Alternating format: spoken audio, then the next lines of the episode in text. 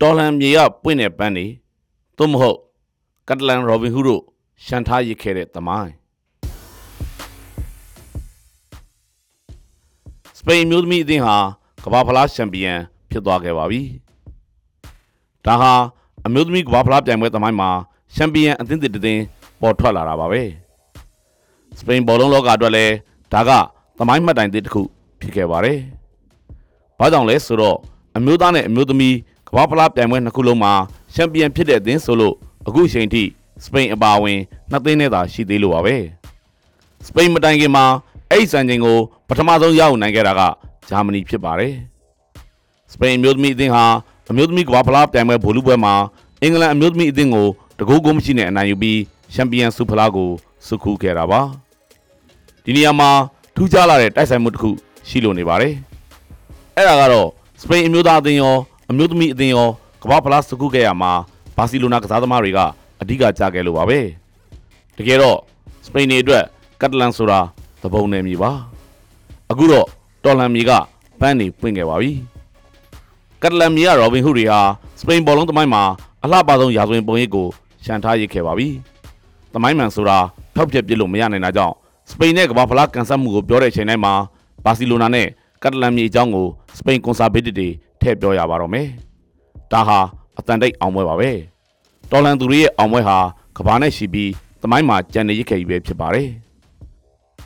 2010ပြည်နှစ်ကမ္ဘာဖလားပြိုင်ပွဲမှာစပိန်အမျိုးသားဘောလုံးအသင်းကသမိုင်းကြောင်းတစ်လျှောက်မှာစပိန်အတွက်ပထမဆုံးကမ္ဘာဖလားကိုစုခုရယူပေးခဲ့ပါတယ်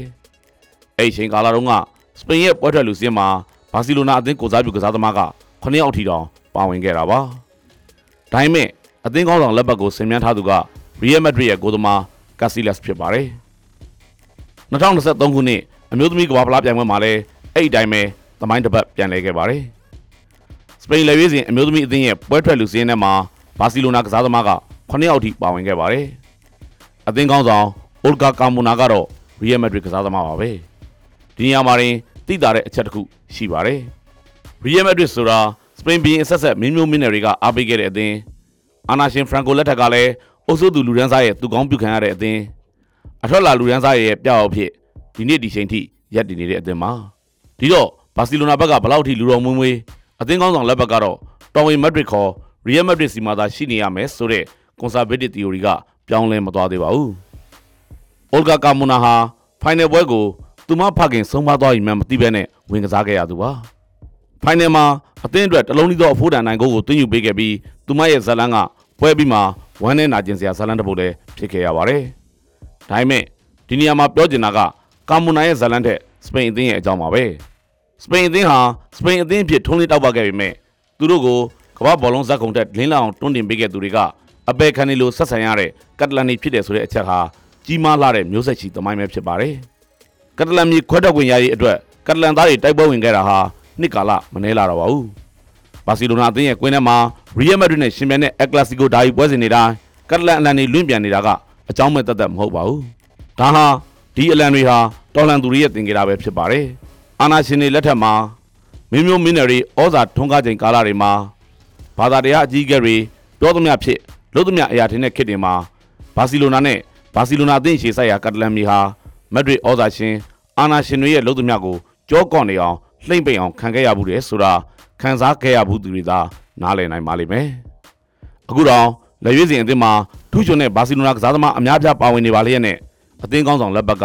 ရီယယ်မက်ဒရစ်ကစားသမားရဲ့လက်မောင်းစီကိုရောက်နေတာကြည့်လိုက်မယ်ဆိုရင်ကတ်တလန်ကိုမက်ဒရစ်ကတဆင့်နှိမ်ပြီးဆက်ဆံထားဆဲပဲဆိုတာကိုသဘောပေါက်နိုင်ပါလိမ့်မယ်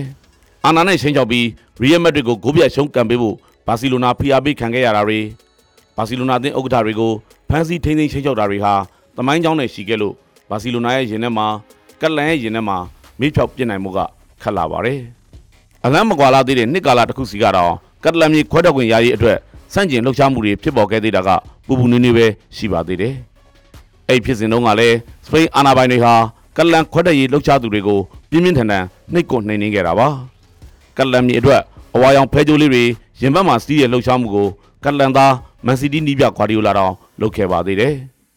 ကတ်လန်မြေခွဲထွက်ခွင့်ရရှိရေးအတွက်ဥဆောင်တောင်းဆိုသူတွေဟာ ဖန်စီထိမ့်သိမ်းခံခဲ့ရတဲ့အပြင်တပုံတွေဖြစ်တတ်မှတ်ခံရကထောင်ဒဏ်တွေလည်းချမှတ်ခံခဲ့ရပါတယ်။ဒါကြောင့်လဲကက်တလန်ဒေသကိုစပိန်နိုင်ငံထဲကဒေါ်လာနယ်မြေလို့ခေါ်ဆိုကြတာပါအခုတော့ဒေါ်လာနယ်မြေထဲကနေအလှပဆုံးပန်းနေပွင့်လန်းခဲ့ပါပြီစပိန်ဟာအမျိုးသားအသင်းနဲ့အတူ2010ပြည့်နှစ်မှာကမ္ဘာဖလားအမျိုးသမီးအသင်းနဲ့အတူ2023ခုနှစ်မှာကမ္ဘာဖလားရအောင်နိုင်ခဲ့ပြီဖြစ်ပါတယ်ဒါပေမဲ့ဒီလိုအောင်မြင်မှုရခဲ့တဲ့စပိန်လက်ရွေးစင်နှစ်သင်းလုံးဟာ ဒေါ်လာနယ်မြေကက်တလန်အခြေစိုက်ဘာစီလိုနာအသင်းကကစားသမားတွေကိုအဓိကအားပြုခဲ့ရတယ်ဆိုတာသမိုင်းကတတ်သေးပါပဲဒါဟာကက်တလန်အတွက်ရာဇဝင်နဲ့ရှိတဲ့အောင်မြင်မှုပဲဖြစ်ပါတယ်ဒါတွေကကက်တလန်မြေခွဲထွက်တိစောက်မှုကိုအမြဲတစေနှိပ်ကွပ်ခဲ့တဲ့စပိန်တွေစပိန်အစိုးရအဆက်ဆက်ကလူကြီးမင်းတွေအတွက်တော့ခံရခက်တဲ့ဝေဒနာကရင်ဘတ်ထဲမှာစူးနေလာတဲ့အဖြစ်တည်ရှိနေတော့မှာပဲဖြစ်ပါတယ်တေချာတာကတော့ကက်တလန်မြေဟာသမိုင်းနဲ့ရှိပြီးဒေါ်လာနိုင်ခဲ့ပါပြီဒေါ်လာမြေကပွင့်တဲ့ပန်းတွေဟာအခုတော့လဲစပိန်သမိုင်းမှာ မွေးမြခဲ့ပြီပဲဖြစ်ပါတယ်ကက်တလန်နဲ့ဘာစီလိုနာတို့ဟာခင်းနေရှိတဲ့သမိုင်းကိုရှန်ထားရစ်ခဲ့ပါပြီသူတို့ဟာစပိန်အစိုးရကကတ်ထားတဲ့ဒစိမ့်နဲ့ပြောရရင်သဘုံတွေပါပုံကန်သူတွေပါအခုတော့လဲတော်ဘုံကြီးရောဘင်ဟုတွေအတွင်းနဲ့ကက်တလန်မြေကသမီးတော်တွေဟာစပိန်ကုန်းကိုဆောင်ခဲ့ကြပြီပဲဖြစ်ပါတယ်ဒါဟာအတွန်းချေစွာတီတန့်သွားမဲ့ဖျောက်ပြမရသမိုင်းကြောင်းကြီးလည်းဖြစ်သွားခဲ့ပြီပဲဖြစ်ပါတော့တယ်ခင်ဗျာ